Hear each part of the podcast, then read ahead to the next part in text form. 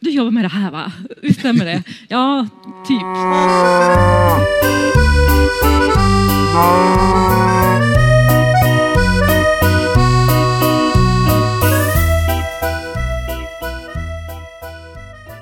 Så är det äntligen dags för ännu en av livepoddarna som vi körde på Ostfestivalen för några veckor sedan.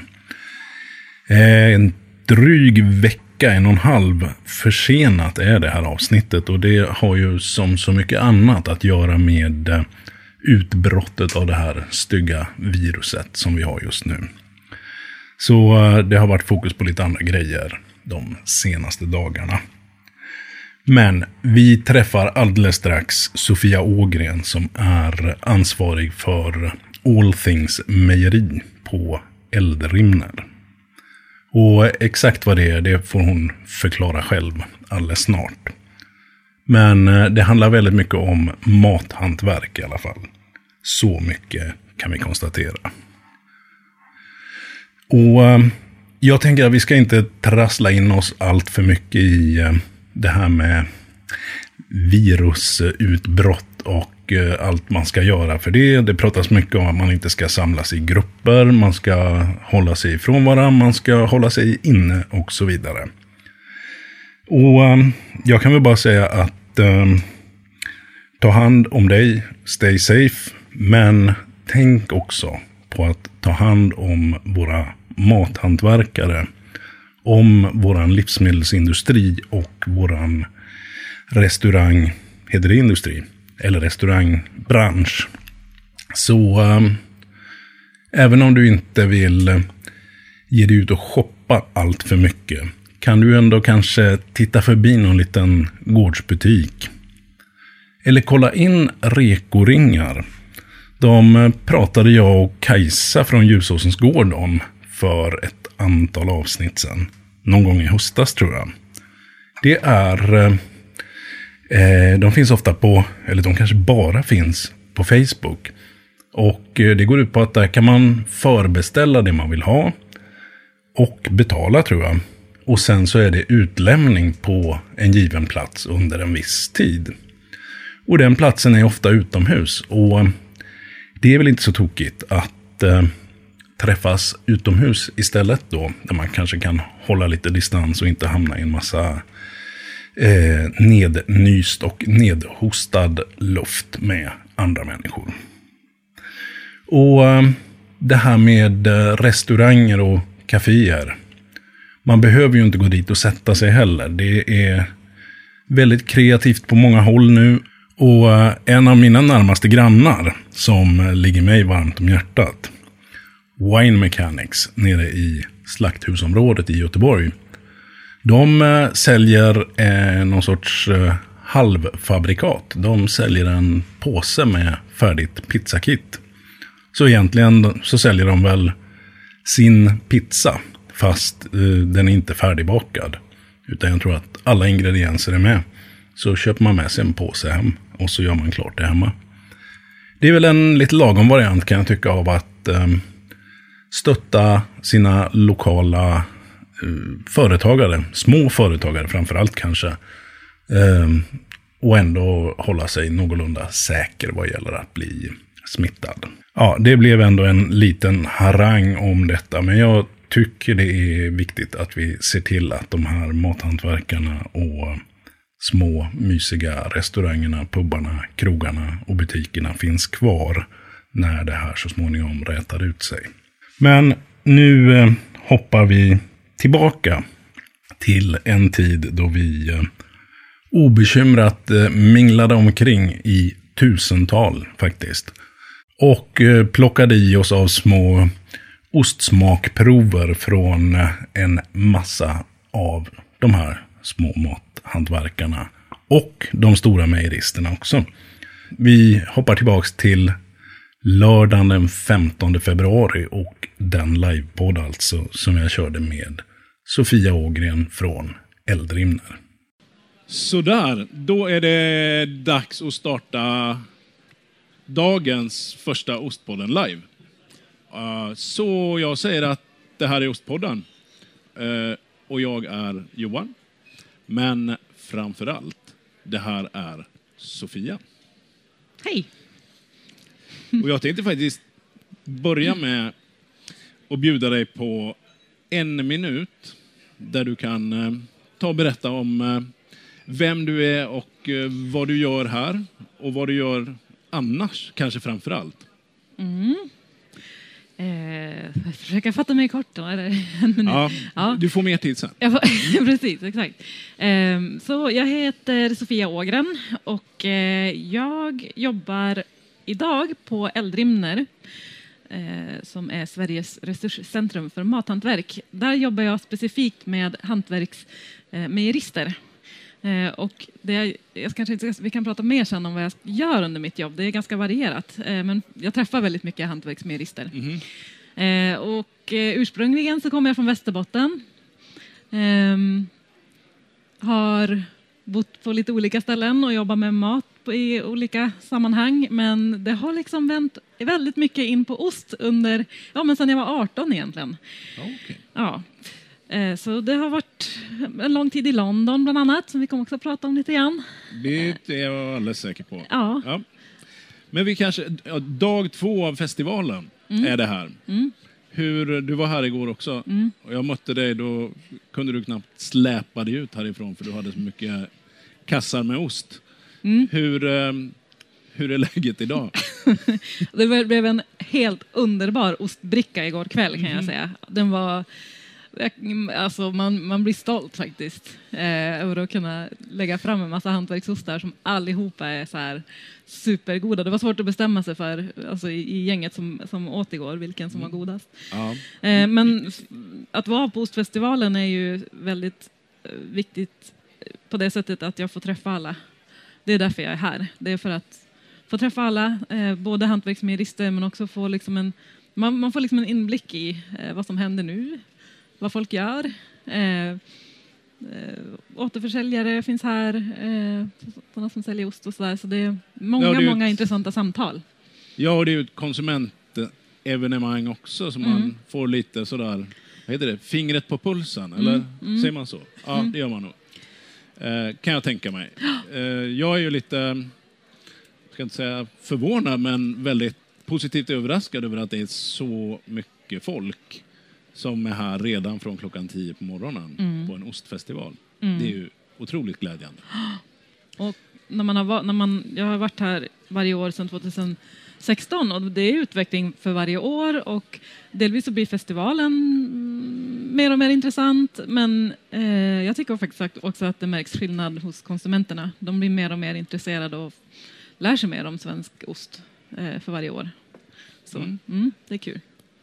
Men tillbaka kanske till, för att jag har ju faktiskt, du var nog, ska jag säga, eh, den, den första, eh, jag, jag gick kurser på hos Eldrimner och jag tror att när jag stod där och frös i oktober redan, för det här är i Östersund, så tror jag du var den första som dök upp där utanför mejerilokalen.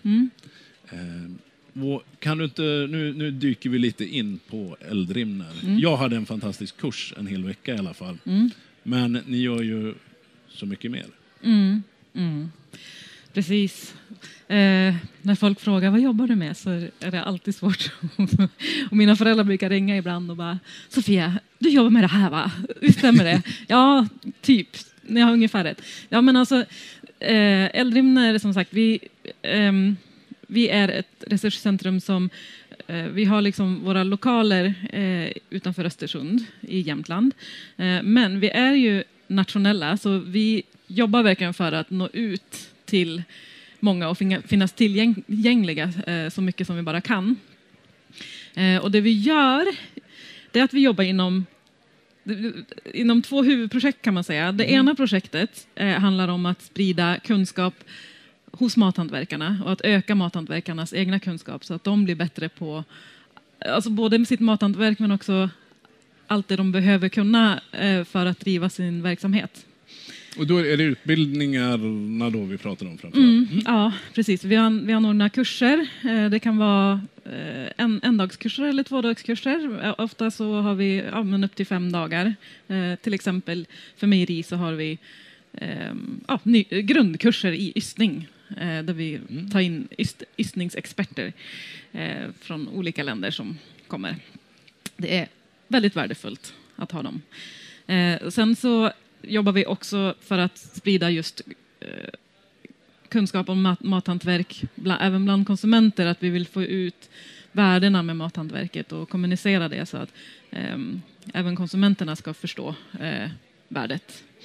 Eh, men vi jobbar ju inte bara inom mejeri, vi jobbar ju också eh, inom andra branscher, så att det, vi täcker in väldigt mycket. Så jag har kollegor som jobbar med eh, skärk och slakt, eh, den branschen. Vi har, jag har kollegor som jobbar med bageri, eh, bär, frukt och grönsaksförädling, eh, fiskförädling eh, och jäst och drycker som hamnar lite på sidan. Men det är, for, ja. Men det är ganska nytt eller? ja, det är en Ja. av de Mm. nya, precis, det är en av de nya branscherna. Men vi vill försöka täcka in ehm, Liksom, all- det handlar om egentligen om råvaruförädling och den man kan göra i Sverige.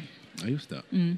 Jag kommer ihåg eh, morgonfikan vi hade där var ju helt fantastiskt. Mm. Där, jag tror i princip kunde man se till alla ställen där allting på den här buffén var gjort. Med marmeladerna, brödet, osten, Mm. smöret också misstänker jag.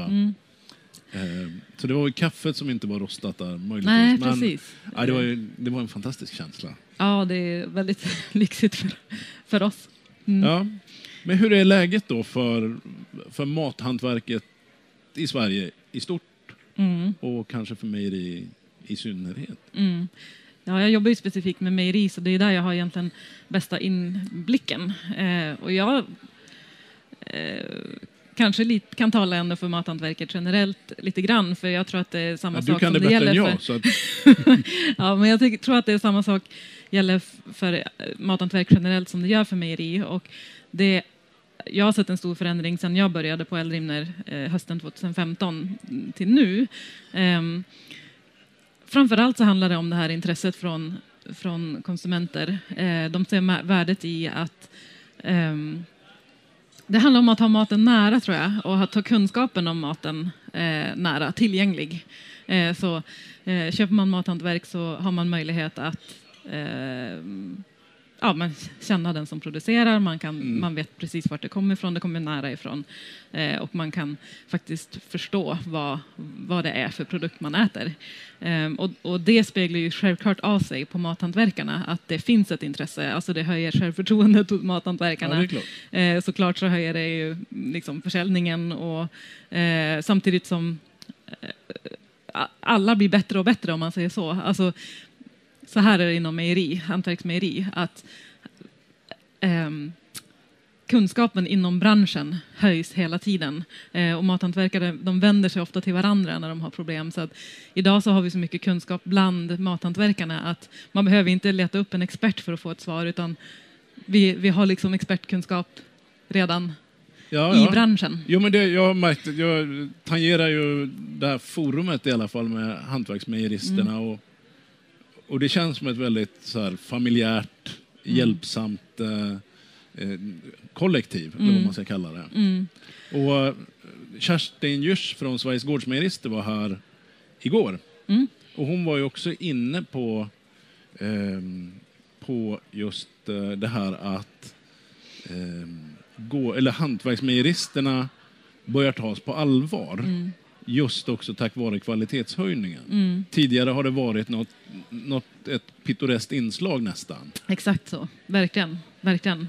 Ehm, det har, varit- man har sett det som lite gulligt. Så här. Ja. Mat, är du mathantverkare? Och, ehm, jag tror att man har en, det har gjort att inställningen har ändrat också, att man ser det verkligen som att man kan, dri, man kan verkligen driva en, en verksamhet på sitt mathantverk.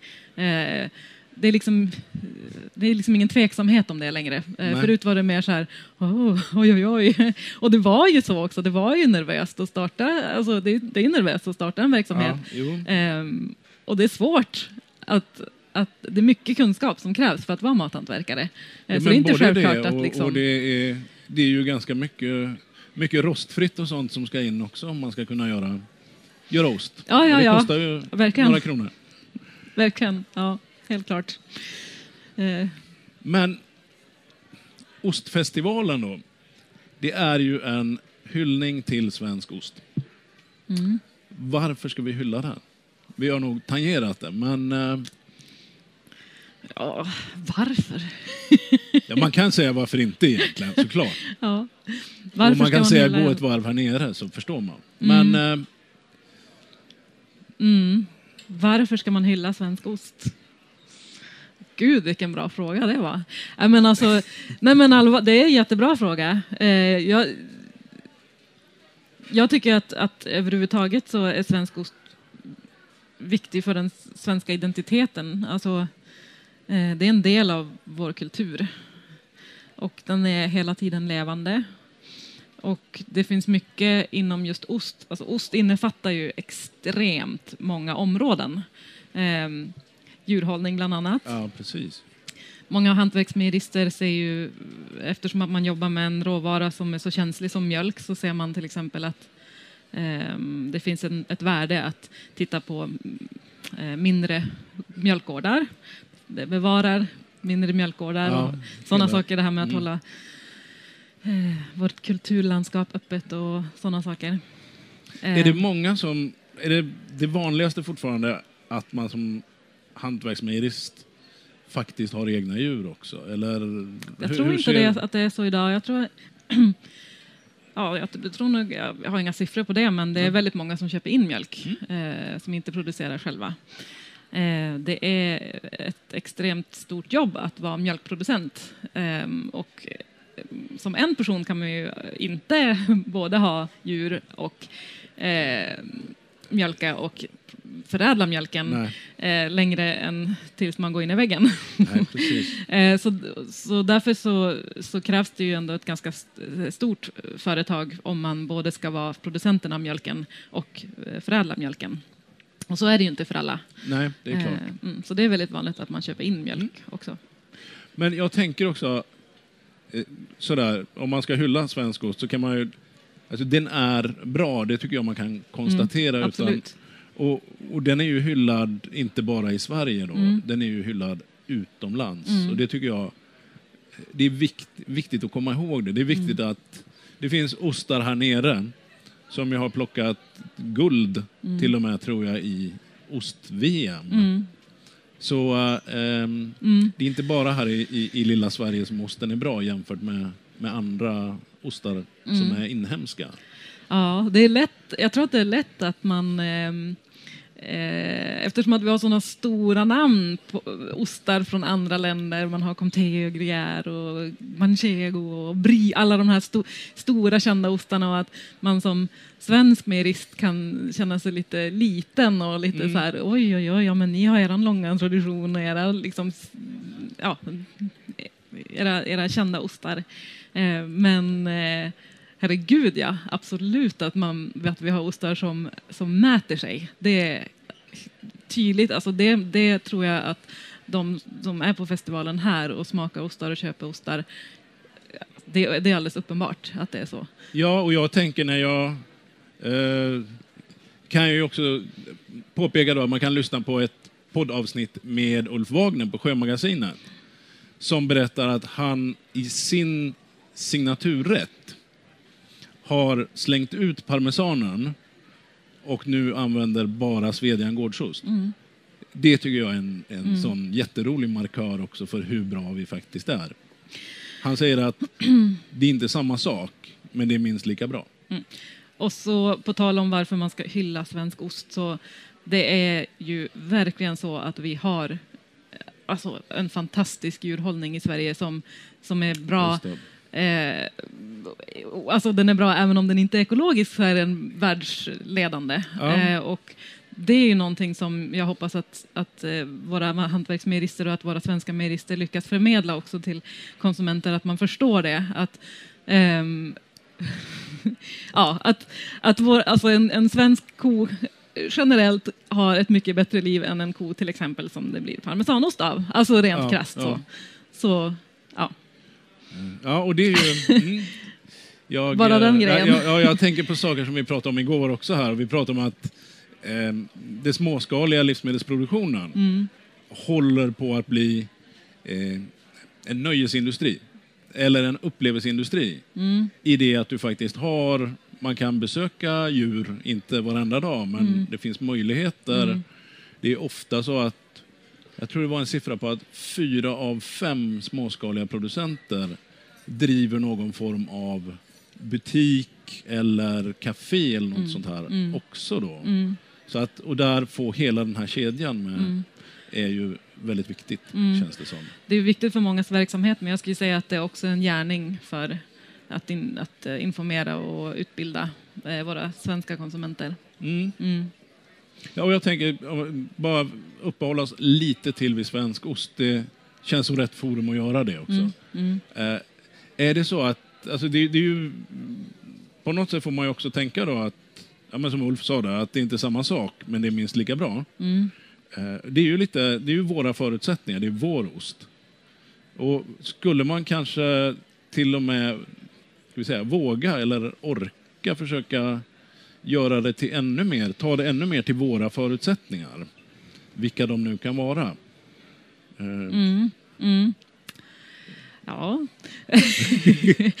Ehm, vad ska man säga, de förutsättningarna som vi har till exempel, det, det som kanske pratas om en del är ju eh, till exempel det här med fodret för djuren. Eh, Att eh, för vissa ursprungs, eller för många ursprungsskyddade ostar eh, nere i Europa så finns det till exempel hårda regler kring eh, vilket foder som djuren får. Eh, till exempel att man inte ger någon, något ensilage överhuvudtaget utan korna äter bara eh, gräs eller hö. och ensilage är någon sorts, det är något Det är fermenterat, gräs. Ja, precis. Mm. Eh, och eh, det är så... det är ju ändå så faktiskt i Sverige att vi har ett, ett klimat som är ganska eh, varierande, lite osäkert. Somrarna är inte alltid lika varma och soliga. Och, eh, det är lite... Ja, ma- anledningen till att man har ensilaget är för att det är eh, ett sätt att kunna eh, få ett, ett, ett bra kvalitativt foder fast man inte har eh, det ulti, de liksom ultimata mm, väderförhållandena varje Man, man sommar. kan inte skicka ut korna på gräs jämt. Nej, Man kan inte vara säker nej det det. kan man ju inte. precis. Nej. Eh, så det är det. Ehm, och det jag skulle kunna säga med det är ju att det viktiga är, är kvaliteten på fodret. Ehm, oavsett om det är hö eller om det är ensilage. Ja. Så är det någonting man vi i Sverige kan i sådana fall eh, jobba med eh, om vi har problem med kvaliteten på fodret så kan vi förbättra, förbättra den kvaliteten på olika sätt. Men Ja, det är mer, mer att hålla utkik Ja. efter det då helt enkelt. ja, ja. Ehm, Västerbotten sa du i början. Mm. Ja, det, ju, det känns ju som, eh, apropå svenska ostar, så känns Mm. det som, är du uppväxt med eh, någon sorts Västerbotten i blodet då eller? Västerbottenost i blodet. Mm. Ja. Västerbotten, det är klart, så blir det. Men Västerbottenosten. Ja, ja Mm. precis. Ja, alltså redan när jag var barn så tror jag inte att jag gillar Västerbottenost så mycket. Men jag jobbade som, eh, jag fick jobb på eh, Västerbottenostens, eh, liksom, vad kallas det? Eh, ja, men de har, de har ett besöks, eh, en, en besöksverksamhet Ja, vägg i vägg med mejeriet. Jaha. Och när de startade så fick jag ju jobb där när jag var 18 eh, och jobbade bland annat som guide för Västerbottenosten. Jag tyckte att det var skitroligt. Alltså det var där jag insåg hur spännande det är med ost. Och hur Ja, mycket... för det var då det tog fart egentligen? ja, eller? ja, ja, alltså just det där med att det, det, ost involverar så himla mycket. Alltså det är allting från det här historien och kulturen, eh, det fysiska arbetet, kopplingen till miljön och kopplingen till djuren och sen ystningen, alltså kemin, mikrobiologin, allt det där är ju så himla himla spännande. Mm. Ja, det är ju, när jag har börjat lära mig lite mer om det så inser man ju, det, det är typiskt att ju mer man vet desto mindre vet man. Eller Ja. desto mer förstår man att man Exakt, inte vet. verkligen. Verkligen. Det är därför mejerister är så ödmjuka. Ja, kanske det är så. Ja. Men, men sen så var det Västerbotten, sen London pratade vi om här eh, strax innan vi hoppade upp här. Mm, det blev Eh, ganska många år i London, precis. Och det lät ju jättekul. Mm. Eh, precis, jag, flytt, ja, jag har bott i London i ett par omgångar men den senaste omgången var jag där i sex och ett halvt år. Och då ägnade jag de första åren då med att jobba i en ostbutik som heter det fra, fransk, engelskklingande namnet La Fromagerie. Det är väl La Fromagerie egentligen. Men är La inte det, det är väl en sån här riktig, riktig klassiker? Mm, Bland, Vad heter hon som... Patricia Michaelson. Just det, ja. mm, hon, är, hon är lite av en ostguru. Ja. Hon har skrivit en bok som heter Världens ostar. Den är översatt till svenska också. Översatt till svenska också.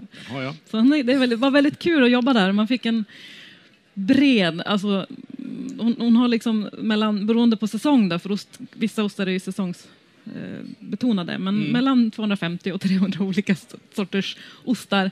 Så man fick en ganska så här, ja, Och, och från, ja, från hela världen då? ja, från hela världen. Ja. Och så var det himla kul för att de sista tiden jag jobbade där så började det dyka upp lite svenska hantverksostar där också. Det gjorde det? Ja, så det, Ja. hon säljer några svenska hantverksostar också. Där. Oj, Mm. ja.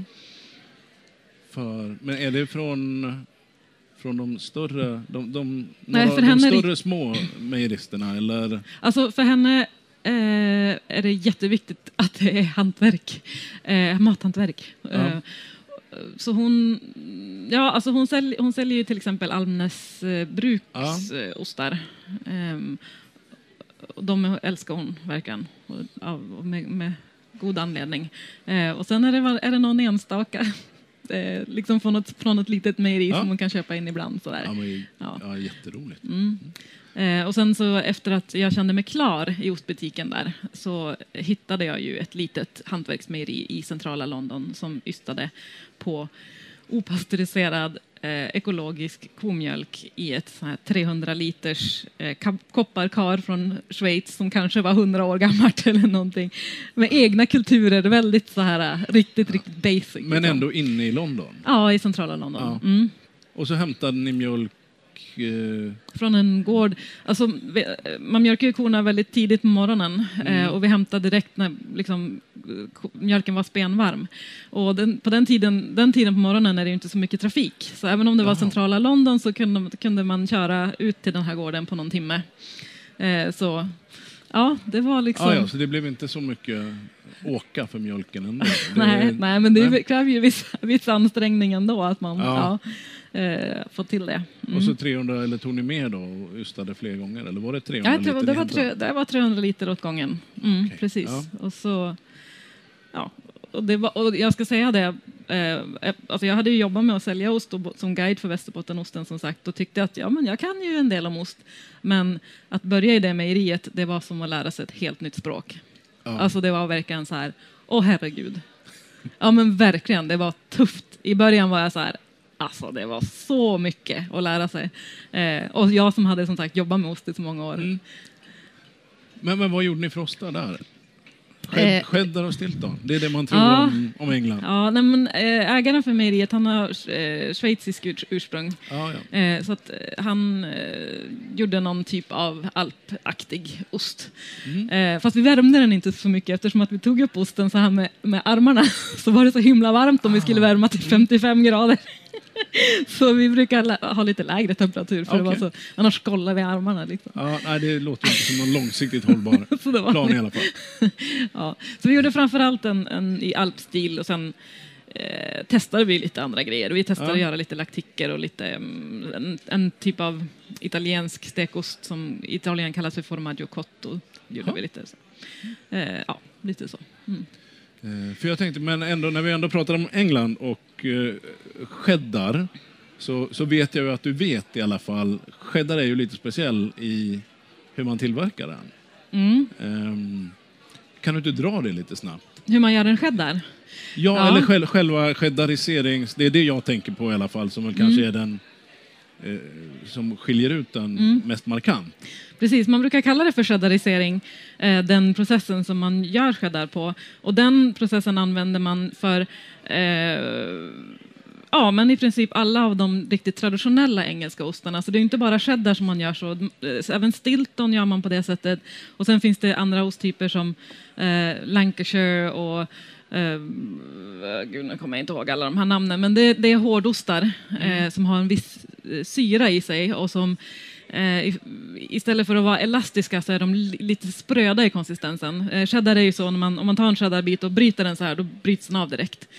Eh, och cheddarprocessen, den, den kom till, tror man, för att Eh, precis som det har varit i Sverige så var det ju kvinnor som hade, var de som ystade eh, framförallt eh, hemma på gårdarna. Och de hade många andra ansvarsområden eh, så de hade väldigt svårt att kunna vara flera timmar i ett mejeri eh, och ha liksom full fokus på sammanhängande, ja. Ja. precis. Så att, så att sättet man, man gör cheddar på tillåter, den är ganska förlåtande tidsmässigt om man säger så. Men den tillåter mejeristen att kunna lämna lokalen och, och pyssla med andra grejer. Eh, och det, som, det, som, det man gör helt enkelt är ju att man, eh, man dränerar ostmassan och sen skär man ostmassan i bitar och, och ställer bitar av ostmassa på varandra så här för att de ska eh, dränera. Dränering är jätteviktigt inom ystning, A och O. Eh, och så sen det som kallas för cheddarisering är en malning av ostmassan. Ja, för det var det som jag blev. Det ser ut som en kvarn eller Ja. något där som man körde där igenom. Ja, precis. Och, och det är ju inte alls som man gör annars när man skär det och lägger det i formar. Mm, ja, det är väldigt annorlunda. Och Är det därför förresten, förlåt, Nej, det är inget. som... Eh, alltså man ser ju ofta så det ser ut som sprickor i cheddar. Mm, Är ja. det för att de här bitarna har... Ja, för det är det som är, det som är så stor skillnad också. För cheddarosten pressas extremt hårt, men den pressas Jaha. inte för att dränera som man gör med alla andra ostar som pressas. De pressas för, ja, som en del av dräneringen.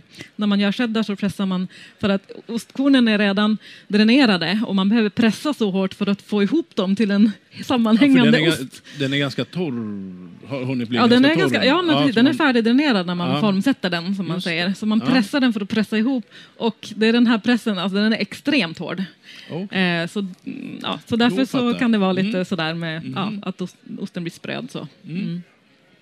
Och, ehm, men, men, men du har inga, du, inga, inget sug efter att bli heltidsystare igen?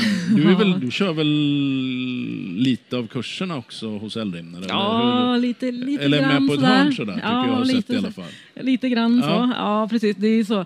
Alltså vi, vi behöver hålla väldigt, alltså eftersom vi har hög nivå bland våra hantverksmejerister så behöver vi hålla väldigt hög nivå på våra kurser också. Då känns det som att eh, jag ligger i lä när det gäller kun, alltså ystningskunskap om man säger så. Nu lär man sig ju så, men alltså ehm, så. Men, men jag startade eget mejeri. Det var därför jag flyttade tillbaka till Sverige. Jaha. Eh, tänkte jag, någon gång vill jag starta eget mejeri. Men jag tänker att jag lever väl länge så får jag göra det någon du gång passar kanske. på att lyssna på, på kurserna på Eldrimner först. Så, Alltså, ja, det är ett så så är givande... du redo när det blir Ja, dags. precis. Det är ett sånt givande jobb också, eh, det här. Mm. Ja, det kan jag tänka mig. Så det är okej. Lägga det på hyllan. Och jag antar att du är engagerad i en miljard saker här på festivalen. Eller har du några, Ja. eller är du mest Ja, alltså tillgänglig? just nu är jag Du mest spenderar ju en massa tid här, med mig i alla fall. Ja, ja precis. Alltså, framförallt, alltså det är verkligen så. Jag är, jag är här för att, för att träffa folk och ha de här diskussionerna och Mm. su- insupa eh, intryck och eh, fånga upp eh, ja, kund, liksom, eh, information från mathantverkarna och andra eh, som är ostintresserade.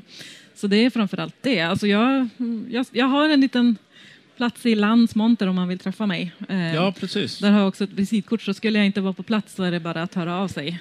Mm. Ja, Ja, det finns en jättefin tidning där. Är det något Ja. man får ja man, bläddra eller få ta med absolut. sig? Jag har begränsat antal. Nu har jag Mm. lagt undan några sådär så att jag vet att jag har kvar till imorgon. Men man får gärna bläddra eller ta tidningen. Eh, Eldrimner ger ut en tidning som heter Mathantverk fyra gånger per år. Mm. Och den är gratis att pren- prenumerera på också så att man kan bara gå in på vår hemsida eldrimner.com. Ja, och, det tycker jag. Det ska man göra. Eh, ja, men man får plocka med sig en tidning också. Är det något mer? Jag tror vi ska börja runda av. Det kan man Är runda det av. något vi har missat? Oj, oj. Nej, men jo, det var en grej ja. Ja, som jag måste nämna nu när jag Absolut, ändå är i. Stockholm. Eh, och det är ju eh, att eh, Eldrimner anordnar SM i mathantverk också. Ja, det har vi inte Eh, pratat om. precis, eh, varje år. Och det är lite spännande det här året för att vi eh, kommer istället för att bli SM i mathantverk så anordnar vi NM i mathantverk, alltså Nordiska mästerskapen i mathantverk. Eh, och det ska bli superspännande och vi kommer göra det här i Stockholm den här gången så det finns ju liksom stora möjligheter för många att komma dit. Eh, och vi gör det i samband med att eh, Foodstock anordnas på Fjäderholmarna och där kommer också Slow Food finnas och, och hålla sin eh, Terra Madre Nordic, som de kallar det. Eh, och det är för att slow, eller delvis för att slow food, är- slow food är där eh, som vi tänker att då, då kör vi ett nordiskt mästerskap eh, i mathantverk. Mm. Och det här är, då kan man ju springa på, det är ju marmelader och bröd och, och ost och Mm. Precis. jästa drycker. Och hela, All- alltså precis, ja, alla som, som ma- hantverkar mat Ja, är där och tävlar. Exakt. Ja. Eh, och det blir nog mycket intryck på det evenemanget tror jag om man kommer dit. Och det, det blir eh, 21 till 23 augusti på Fjäderholmarna. Mm. Och eh, man anmä- anmäler sig, de har, inte, de har inte öppnat anmälan än, men det gör man via Foodstocks eh, hemsida om jag har förstått det Ja, rätt. okej. Mm. Då får vi kika på det. Mm. Men då tror jag vi säger att ehm, det här har varit Ostpodden. Mm. Du och ni har varit tappra. Tack så mycket för att ni har lyssnat.